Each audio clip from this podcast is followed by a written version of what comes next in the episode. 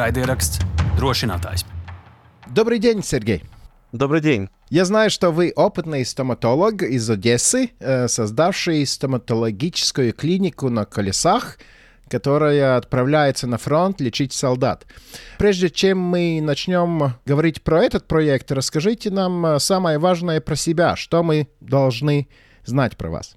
Я врач-стоматолог, хирург и ортопед. У меня есть там своя клиника в Одессе. Стоматологией занимаюсь уже э, давно, уже 20 лет. Я с военной стоматологией был связан достаточно давно, потому что э, украинские стоматологи еще после 2014 года, да, после начала первых как бы экспансии России в Украину, организовали такой назывался Трезуб Dental. Это была волонтерская программа в 26 километрах от Донецка, но на нашей территории был такой, назывался домик. Вот. Э, туда все стоматологи всей Украины там поставили установки, рентгены, все это. И вот таким вахтовым методом, там, на такие ротации, там, на недельку мы там все по очереди выезжали и лечили, собственно, военных в зоне АТО непосредственно, антитеррористической операции. Я там был несколько раз за это время. Ну и было понятно, когда уже после да, 24 февраля 22 года, когда началась широкомасштабная война, что проблемы с зубами у военных, к сожалению, никуда не делись, а наоборот э, стали сильнее как бы, и сложнее с ним. И полтора года назад, еще в, начале прошлого лета, я и еще, то есть у нас есть наша клиника Profident Dream House, и еще я соучредитель э, сети клиник э, Profident Junior. Вот, и врачи, и учредители этих клиник как бы поняли, что хотелось бы как-то помочь нашим военным, потому что нуждаемость огромная. К сожалению, военнослужащий сам сильной зубной болью, а таких, к сожалению, много, потому что скорость мобилизации в общий спорт ну, не позволяла там привести все это в порядок и только после этого да, их куда-то отправлять. Поэтому нуждаемость высокая. Поначалу мы попытались просто выезжать ближе. Херсон был еще оккупирован, и мы начали выезжать в Очаков, Николаев, но были очень большие сложности с найти место, где мы можем принимать. А даже когда мы нашли, то там были такие места с очень устаревшим оборудованием, и оказать помощь вот именно современную стоматологическую было очень сложно. Вот тогда как бы мы стали перед тем, что стал вопрос о том, что нужен свой мобильный стоматологический кабинет. Вот, нам там э, помогли даже военные, помогли люди, которые там нам помогали там наоборот. Все это и так появился проект, назывался Зубайстер. Почему такое название? Это там отдельная история, потому что в славянской, украинской мифологии есть такой дух Чугайстер. Это один из немногих добрых. Он там защищал людей, все это и помогало. Ну, чуть-чуть переделав его к зубам, получился Зубайстер, такой украинский дух, который помогает лечить зубы военных. И год назад, уже даже чуть больше, мы сделали первый зубайстер, первую мобильную стоматологию и начали выезжать. К тому моменту как раз сразу после этого был деоккупирован Херсон, и огромное количество наших военных, там Херсонская область, Береслав, это, к сожалению, места, где до сих пор очень много прилетает ракет э, и всего прочего. Там достаточно много наших военных, и нужна наша помощь. И мы начали там несколько раз в неделю, один-два раза в неделю, чаще два, выезжать э, и оказывать непосредственно на местах э, лечить. Причем, ну, практически в полном объеме. То есть мы, мы лечим, мы удаляем, мы там удаляем нервы, пломбируем корневые каналы, восстанавливаем. Наша мобильная стоматология, она оборудована ну, всем современным. То есть там есть э, рентген, там есть физиограф современный с компьютером, там полноценная установка. У нас есть там свой генератор, мы ни от чего не зависим. Там. То есть это прямо вот мобильный пункт, Понимаете, не просто э, там удалить какой-нибудь болезненный зубчик, а современной стоматологической помощью. То есть мы можем сделать все, что угодно. И вот добровольцы, врачи, абсолютно там, понятное дело, там на безоплатной основе, э, вот уже больше года выезжают. Вот э, нам помогли аграрии нашей Одесской области, и вот месяц назад мы закончили, теперь у нас уже две мобильные стоматологии. Вторая машинка уже тоже полностью готова. И мы теперь сможем еще лучше это делать, каким образом мы одну из машин сможем оставлять где-нибудь там, а, и она там вот таким же там вахтовым методом, там 3, 4, 5 дней подряд сможет оказывать помощь. А второе, как бы мы уже выезжаем вот непосредственно, так как, э, понятное дело, военные меняют локации регулярно, кто-то там выходит там на восстановление, кто-то э, наоборот уходит. И за счет нашей мобильности мы можем приехать, э, нам готовят, то есть у нас есть связь с военными, мы договариваемся, там, какое количество людей, на каких координатах мы выезжаем э, и лечим. А что армия делает в этой области? Зачем такие волонтеры, как вы, вообще нужны? Ну, к сожалению, до недавнего времени фактически оборудованных там, ну, или мобильных стоматологий, или чего-то еще в армии не было в принципе. На сегодняшний день, э, слава богу, как бы это получило развитие и в реальной армии. То есть появляются потихонечку какие-то там передвижные кабинеты, появляются там... Армейские, да? Мобильные, армейские, именно, да, именно армейские. Вот они, слава богу, начали появляться. А, к сожалению, до там сравнительно недавнего времени были какие-то стоматологи в каких-то стационарных госпиталях, то есть передовой ко всему остальному, не имевших отношения. И, как вы понимаете, в условиях там военных действий э, шансы на то, что там боец его отпустит, и он поедет в какой-то город, где есть военный госпиталь, где есть какой-то стоматолог, и ему там окажут помощь, ну, он стремится к нулю. Вот, поэтому, к сожалению, необходимость была огромная. Сейчас и в регулярной армии, э, слава богу, э, работы в этом направлении тоже есть, они движутся. Да, да и вот таких волонтерских. Вот на юге там после нас появилась еще одна мобильная стоматология, э, а есть там в Днепропетровской области, там, в Харьковской, в Запорожской. То есть, э, ну, мы не одни на всю Украину. Ну, и это замечательно. Чем больше нас будет, тем, ну, большее количество людей мы сможем. То есть, считайте, чуть больше года работает Зубайстер. За это время мы приняли 1600 человек. 1600 военных мы приняли за год. Это сколько в день примерно? Э, в день мы принимаем от 20 до 30 человек. То есть мы ночью выезжаем, рано-рано утром приезжаем на точку и, ну, работаем, пока всех не примем. И, как правило, там следует, да, там уже вечером, ночью выезжаем назад. За это время мы успеваем. Просто для контекста. 20-30 пациентов в день для, например, вашей клиники, если там один или два врача, это много? Это очень много. На самом деле это очень много. Просто ездят э, опытные врачи, умелые, быстрые, понимают, что, ну, в общем-то, тут ну, не, за, не попрохлаждаться мы туда едем. А какая ваша команда? Сколько людей вы едете, и это всегда те же самые люди? Нет, э, они меняются, но это в целом врачи-ассистенты наших клиник, вот Профидент Джуниор и Профидент Римхаус. Смотрите, едет Зубайстер, и военные нам даже выделили своего водителя, то есть он едет за рулем Зубайстера. Мы едем отдельно бусиком с материалами, там, со всем, что нам нужно. У нас есть наш водитель, э, как правило, это Александр Косей, это соучредитель клиник Джуниор.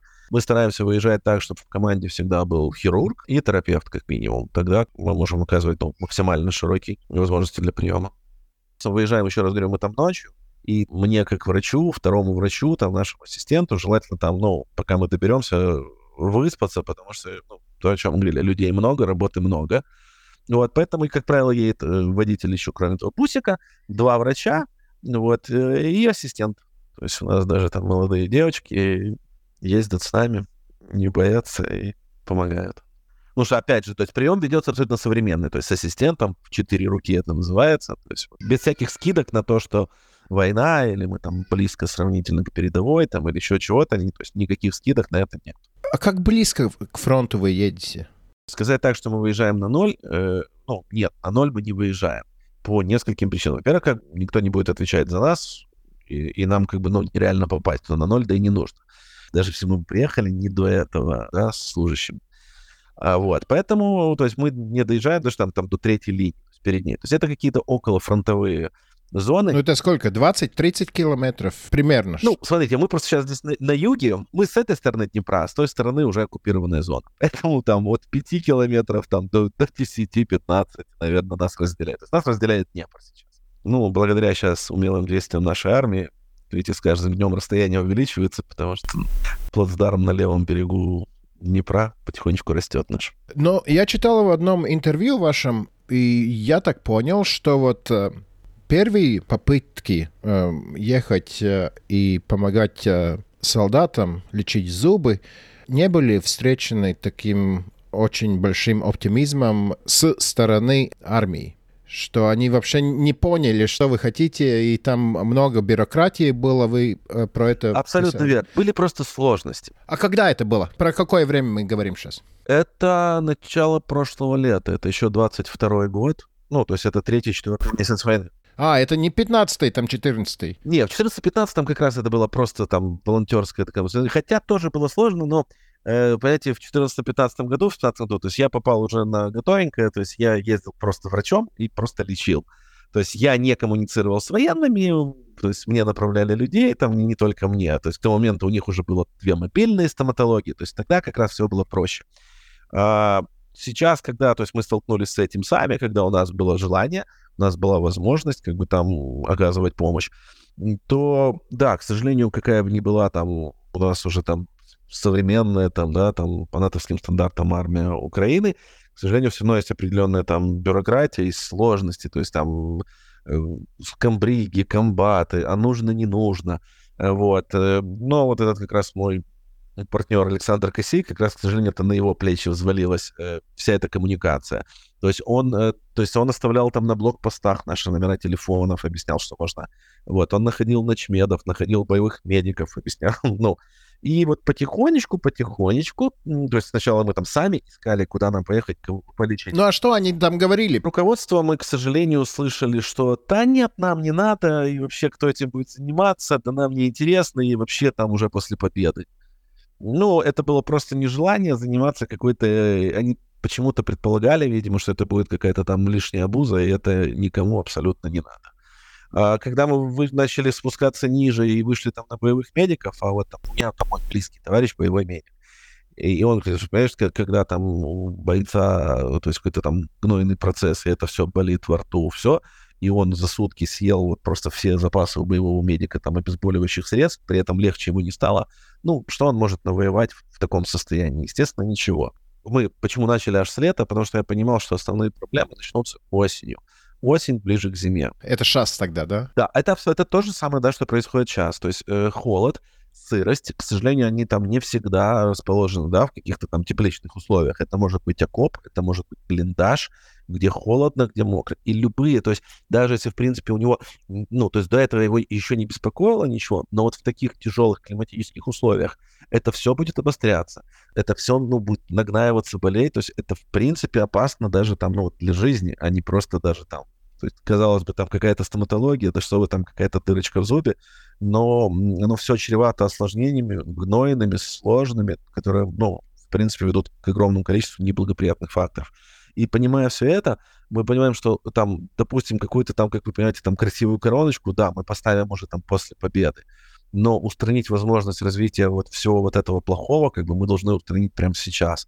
И как бы, ну, это реально там помогает и бережет их жизни. Ну ладно, тогда получается так.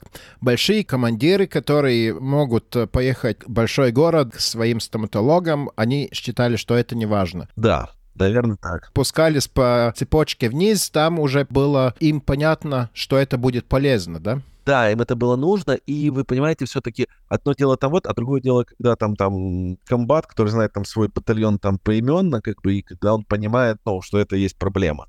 А, вот, и на этом уровне, конечно, нам стало проще. И со временем очень быстро, то есть э, у всех есть наши координаты, и теперь наоборот, как бы у нас есть уже график, что вот э, там в среду нас ждут там, в воскресенье нас зовут туда, и нам готовят списки, нам готовят сколько человек там будет. Мы понимаем, там нам нужно один раз поехать, второй раз. Ну плюс, когда там какие-то там части, которые какое-то время находятся там здесь, то, естественно, с каждым разом э, выезды для нас все более простые становятся, потому что самое сложное, самое проблемное мы, естественно, лечим в самом начале, а потом по итогу уже остаются там вещи попроще. Наверное, это как первые армейские части почувствовали эффекты, и тогда, наверное, друг другу уже говорят, о, там эти приезжают, да? Абсолютно верно. Да, да, да. Сарафанное радио нас уже знают. Да, да, да. Сейчас все стало значительно лучше, проще, в том числе и у командования, да, там у руководства появилось как бы там и доверие, там они оценили ценность того, что мы делаем, поэтому сейчас, естественно, все стало значительно проще. Вы упомянули, эм, что армия меняется на натовские стандарты. А как вообще э, в вашей сфере? Про стоматологию есть какие-то стандарты? Или в украинской, или натовских армиях? Может быть, вы знаете? Есть. На самом деле есть везде. В любой армии, и даже там по советским там еще канонам, да, там все, все это тоже должно было учитываться. Но никогда, не там много-много лет, это никто не учитывал, к сожалению. То есть при призыве на службу, при подготовке, при обучении, то есть э, реально э, никто не оценивал нуждаемость в лечении, и уж тем более это лечение не проводил. Увы, так оно было. На сегодняшний день то, о чем я вам сказал, то есть это ситуация сдвинулась с мертвой точки. То есть вот даже среди своих коллег, то есть есть реально призванные стоматологи, которые служат. Вот, и благодаря там, тому, что большинству из них не все равно, они пытаются изменить вот это отношение к стоматологическому здоровью у военнослужащего.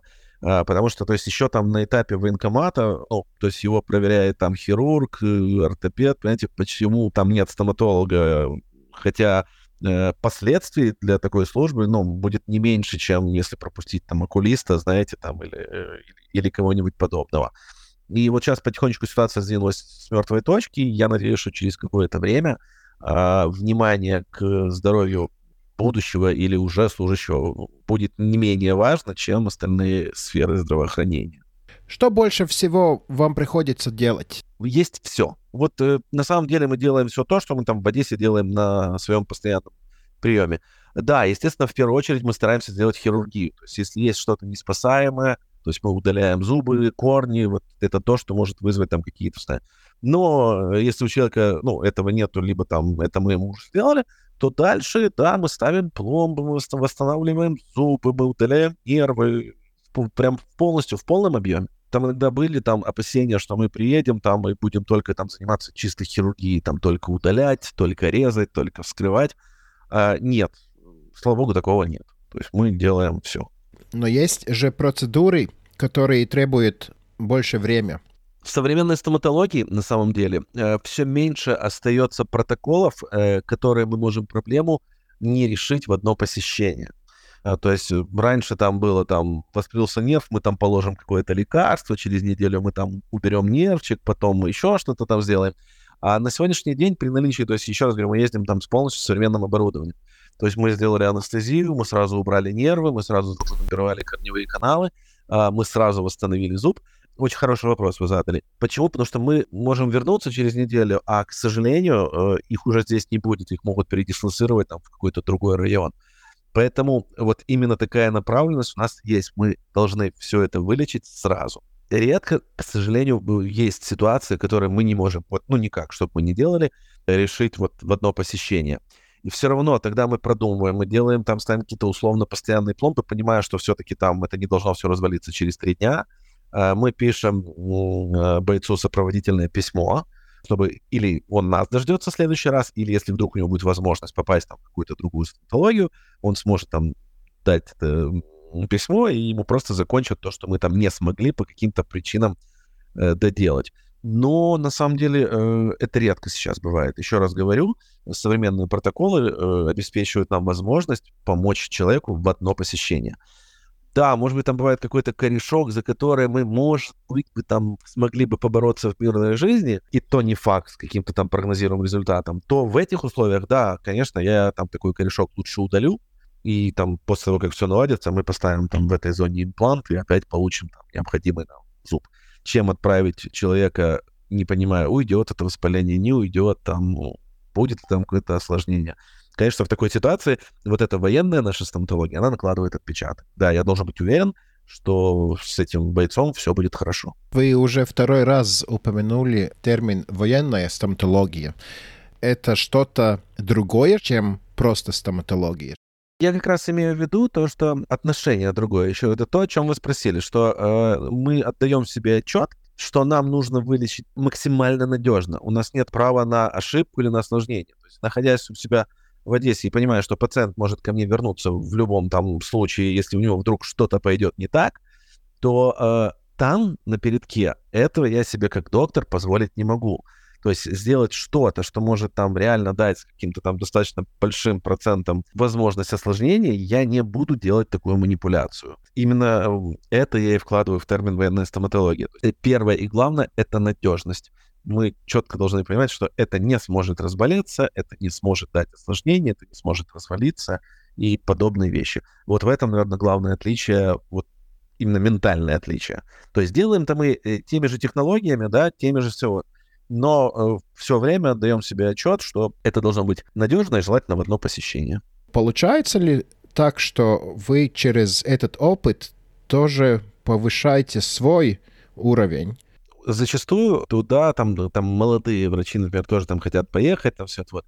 а, мы не берем. А почему? Потому что здесь нужно работать э, четко, быстро, без права на ошибку. У нас едут, знаете, лучшие из лучших, которые там точно будут полезны, точно не ошибутся и, и точно выберут ну, лучший вариант для человека, которому мы оказываем помощь. Повышаем ли мы там свой уровень? Мы, знаете, скорее не повышаем его, а проверяем каждый раз. Потому что, еще раз, нет времени там думать, там долго что-то делать неправильно там или переделывать или еще что-то. А у нас часто там молодые там врачи, и вот э, ехать с нами ассистентами, потому что вот там они видят четкую, быструю, слаженную работу, что, естественно, там в обычных условиях, когда мы там дома и мы себе кого-то лечим, ну, понятное дело, можно расслабиться.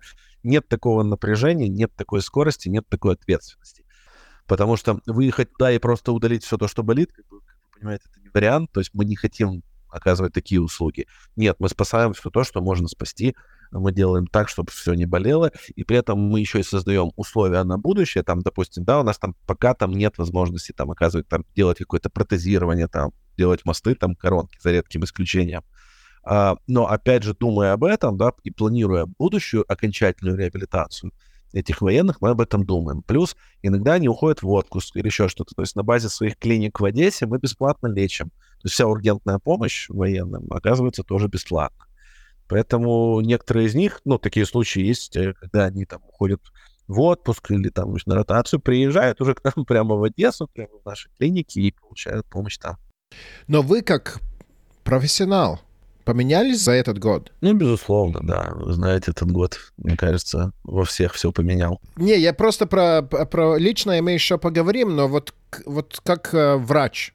Э, да, конечно. Еще раз говорю, что ну, в обычных условиях я не принимаю столько человек у себя в клинике, знаете, там за каждый день. Поэтому, конечно, то есть выработались какие-то вот там алгоритмы там, когда, ну, время ограничено, то есть у нас нет времени на что, поэтому появились какие-то уже такие обкатаны четкие алгоритмы оказания помощи. Там, э, даже там э, зубастер, установка-то там одна, нас два врача, мы все равно одномоментно не можем работать. Мы вот такие уже вот эти командные, то есть, допустим, там, ты сделал это, потом там сделал что-то терапевт, потом в конце подключился ты. То есть, ну, огромное количество нюансов и мелочей, безусловно, за этот год отработаны, там, доведены до максимально там близкого к идеальному. Я знаю, что Э, военные медики э, приезжали в Латвию с фронта и преподавали нашим специалистам, нашим военным медикам то, что они научились на практике. Получается так, что вы, вот когда Украина выиграет, тогда вы будете, э, может быть, уже очень потребованным специалистом в этой сфере. Все, может быть. И в Одессе вам уже больше не будет время работать, надо будет ехать э, вокруг света и учить специалистов. Все может быть. Главное сначала победить. Это правильно. Так, кто решает, куда вы едете? Мы просто смотрим по заявкам. То есть, еще раз говорю, уже у большинства там э, есть наши номера телефонов. Вот мой партнер, там, тут Александр Косе, он этим занимается. То есть они ему звонят, и он составляет нам график. Мне как бы все равно. Куда меня вывезут, там я и буду лечить и работать. Поступает заявка, мы себе там между собой собираемся, в какой день там можем мы, потому что, ну, кроме э, мобильной стоматологии, естественно, все мы продолжаем работать. Вот, поэтому у нас просто там, вот я себе беру выходные, и вот вместо выходного еду туда. Эта смена получается где-то 24 часа? Да, да, плюс-минус, да. Как безопасно делая эту работу? И что делается, чтобы максимально э, уменьшить возможность э, попадания или как это решается все? Ну, первое, как бы, не, все, кто мы выезжаем, у нас у всех есть бронежилеты, у нас есть каски, и если мы перемещаемся по какой-то там зоне, где там, к сожалению, что-то может там произойти или прилететь, то, естественно, мы э, полностью там снаряжены для этого. А второе, нас уже очень любят и ценят военные.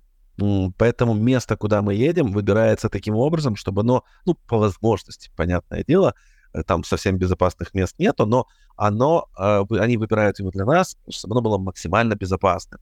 То есть э, оно как-то скрыто там от посторонних, от посторонних глаз и дронов. Там. Они там сейчас запрещают, то есть к нам же все равно машинами возят, да, там лечиться.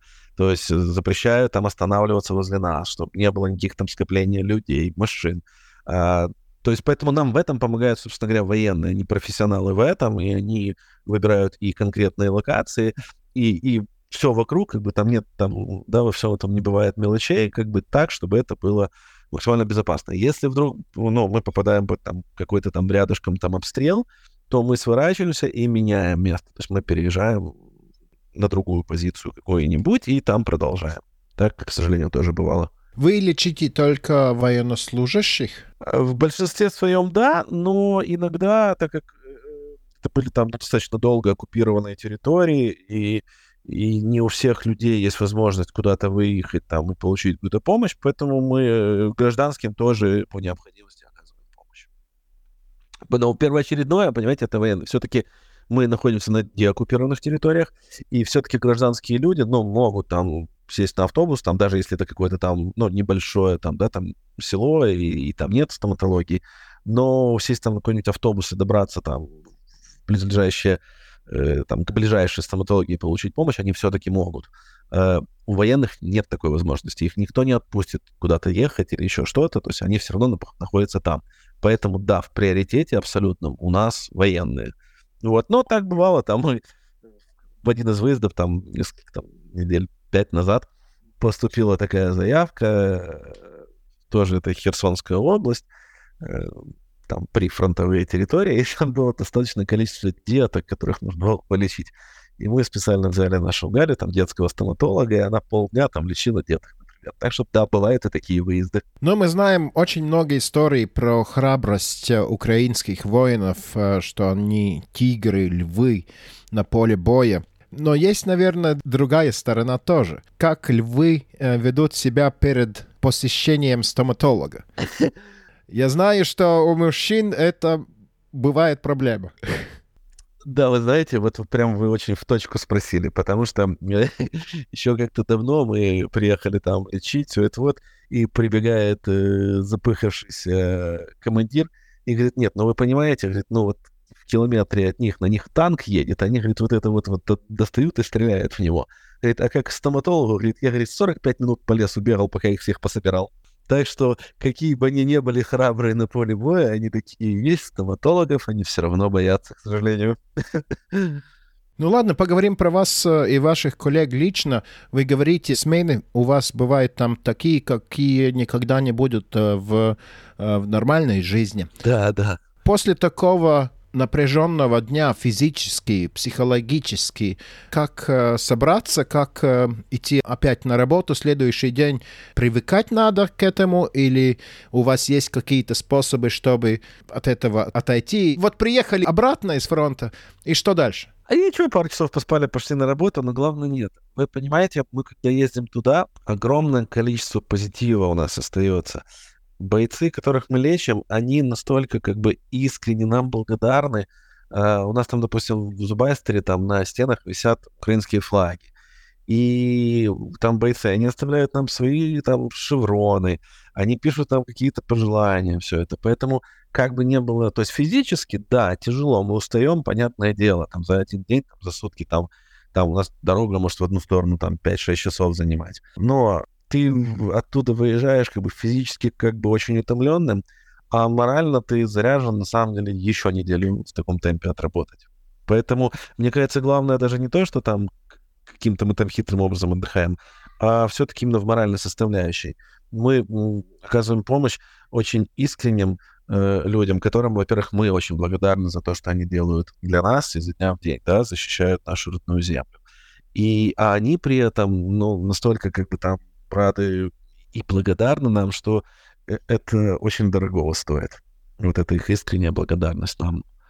Там они стараются нас чем-то вкусным накормить, там они, что чем вам помочь, ну, что, что еще сделать, все это, ну, это, это очень там искренне, и это очень трогает всегда нас. Вот я говорил с поваром, который тоже общается с военными, он говорил, что они очень усталы, Э, конечно, они делают все, что возможно для перемоги, но усталость чувствуется. Что вы видите, когда вы посещаете военных на передовой?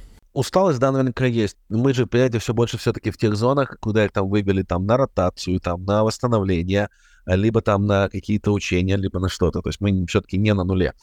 А, так вот, да, они уставшие, они там все это, но а, очень тоже воодушевляет их абсолютный настрой на победу. То есть как бы они не устали, что бы ни происходило, э, безапелляционно все, все будет хорошо, мы победим, и вообще другие варианты не рассматриваются. И это именно такое вот, э, мы давно уже ездим, как бы, это настолько именно вот такое подавляющее мнение в армии, что это тоже почему прям мы все уверены, что все будет хорошо, и победа наша не за горами. Ну, а вы собираетесь это тоже делать до перемоги? Естественно. Не было такого, что вот, ну все, я не могу, я устал. Э, нет. Мне кажется, это невозможно. Э, ну, все-таки, э, как мы, да, считаем, что наша помощь несоизмерима с тем, что делает наша армия. Поэтому просто это хотя бы то немногое, чем мы реально можем им помочь. Плюс мы это умеем, как бы мы профессионалы в этом. То есть мы в это помогаем, чем можем. Как это все финансируется? Недешево же все. Недешево. Э, расходники, там все остальное, как бы мы, ну, просто закупаем клиниками и с собой берем. А когда, вот, собственно, делался Зубайстер, там э, докупалось оборудование там весьма дорогостоящее, э, просто мы там написали на Фейсбуке, что если кто-то хочет э, помочь, и достаточное количество людей помогло. Не знаю, мне кажется, наверное, там две трети нам необходимой суммы собрали.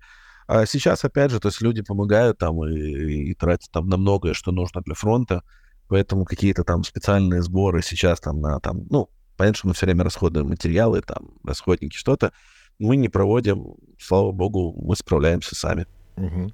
Если э, ваши латышские коллеги тоже это интервью слушают, есть что-то, что вы хотели им сказать или, может быть, есть какой-то способ, как они могут вам помочь? Сложно сказать. Мне кажется, что в данной ситуации есть достаточное количество направлений, где помощь любого человека э, вашей стороны будет нужнее, чем непосредственно нам. То есть в той зоне ответственности, где мы работаем, где мы ездим, мы справляемся сами. Поэтому мне кажется, да, и это наше такое общее мнение, а, что лучше помогать, наверное, тем местам, где это нужнее.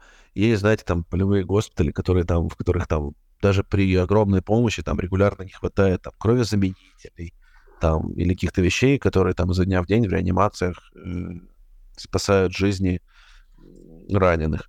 Поэтому мне кажется, что в этом списке помощь конкретно нам, но на каком-то там последнем месте. И в конце э, мы всегда своим гостям задаем один и тот же вопрос. Чего вам пожелать лично? А, не знаю, правда, сейчас такое время, когда кроме победы, наверное, особенно пока нам больше ничего не хочется. А мне пожелать, а, с удовольствием приехать в вашу страну сразу после победы. Ну, вот, и познакомиться как раз с коллегами из вашей страны. Я, на самом деле, давно хотел бы это сделать. Надеюсь, после победы у меня появится такая возможность. Я бы хотел сказать, что, как и любой украинец, конечно, мы очень вообще ценим помощь вашей страны нам вы тоже жители там не сильно большой страны, но тем не менее ваша помощь и поддержка, они, ну, колоссальные, как бы. Просто хотел сказать, что я, как и все украинцы, мы это знаем, мы это ценим, мы очень благодарны. После перемоги, я думаю, что нам надо будет приехать в Одессу, потому что мне такое чувство, что там будет э, музей Зубайстера. Обязательно сделаем, да. Если вы говорите, там много шевронов и так далее, будет там смотреть чего.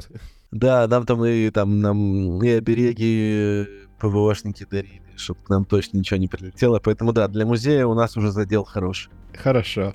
Ладно, большое спасибо, Сергей. Все, приятно было пообщаться. Вам спасибо за то, что вы уделяете этой теме внимание. Всего хорошего. Да, всего доброго.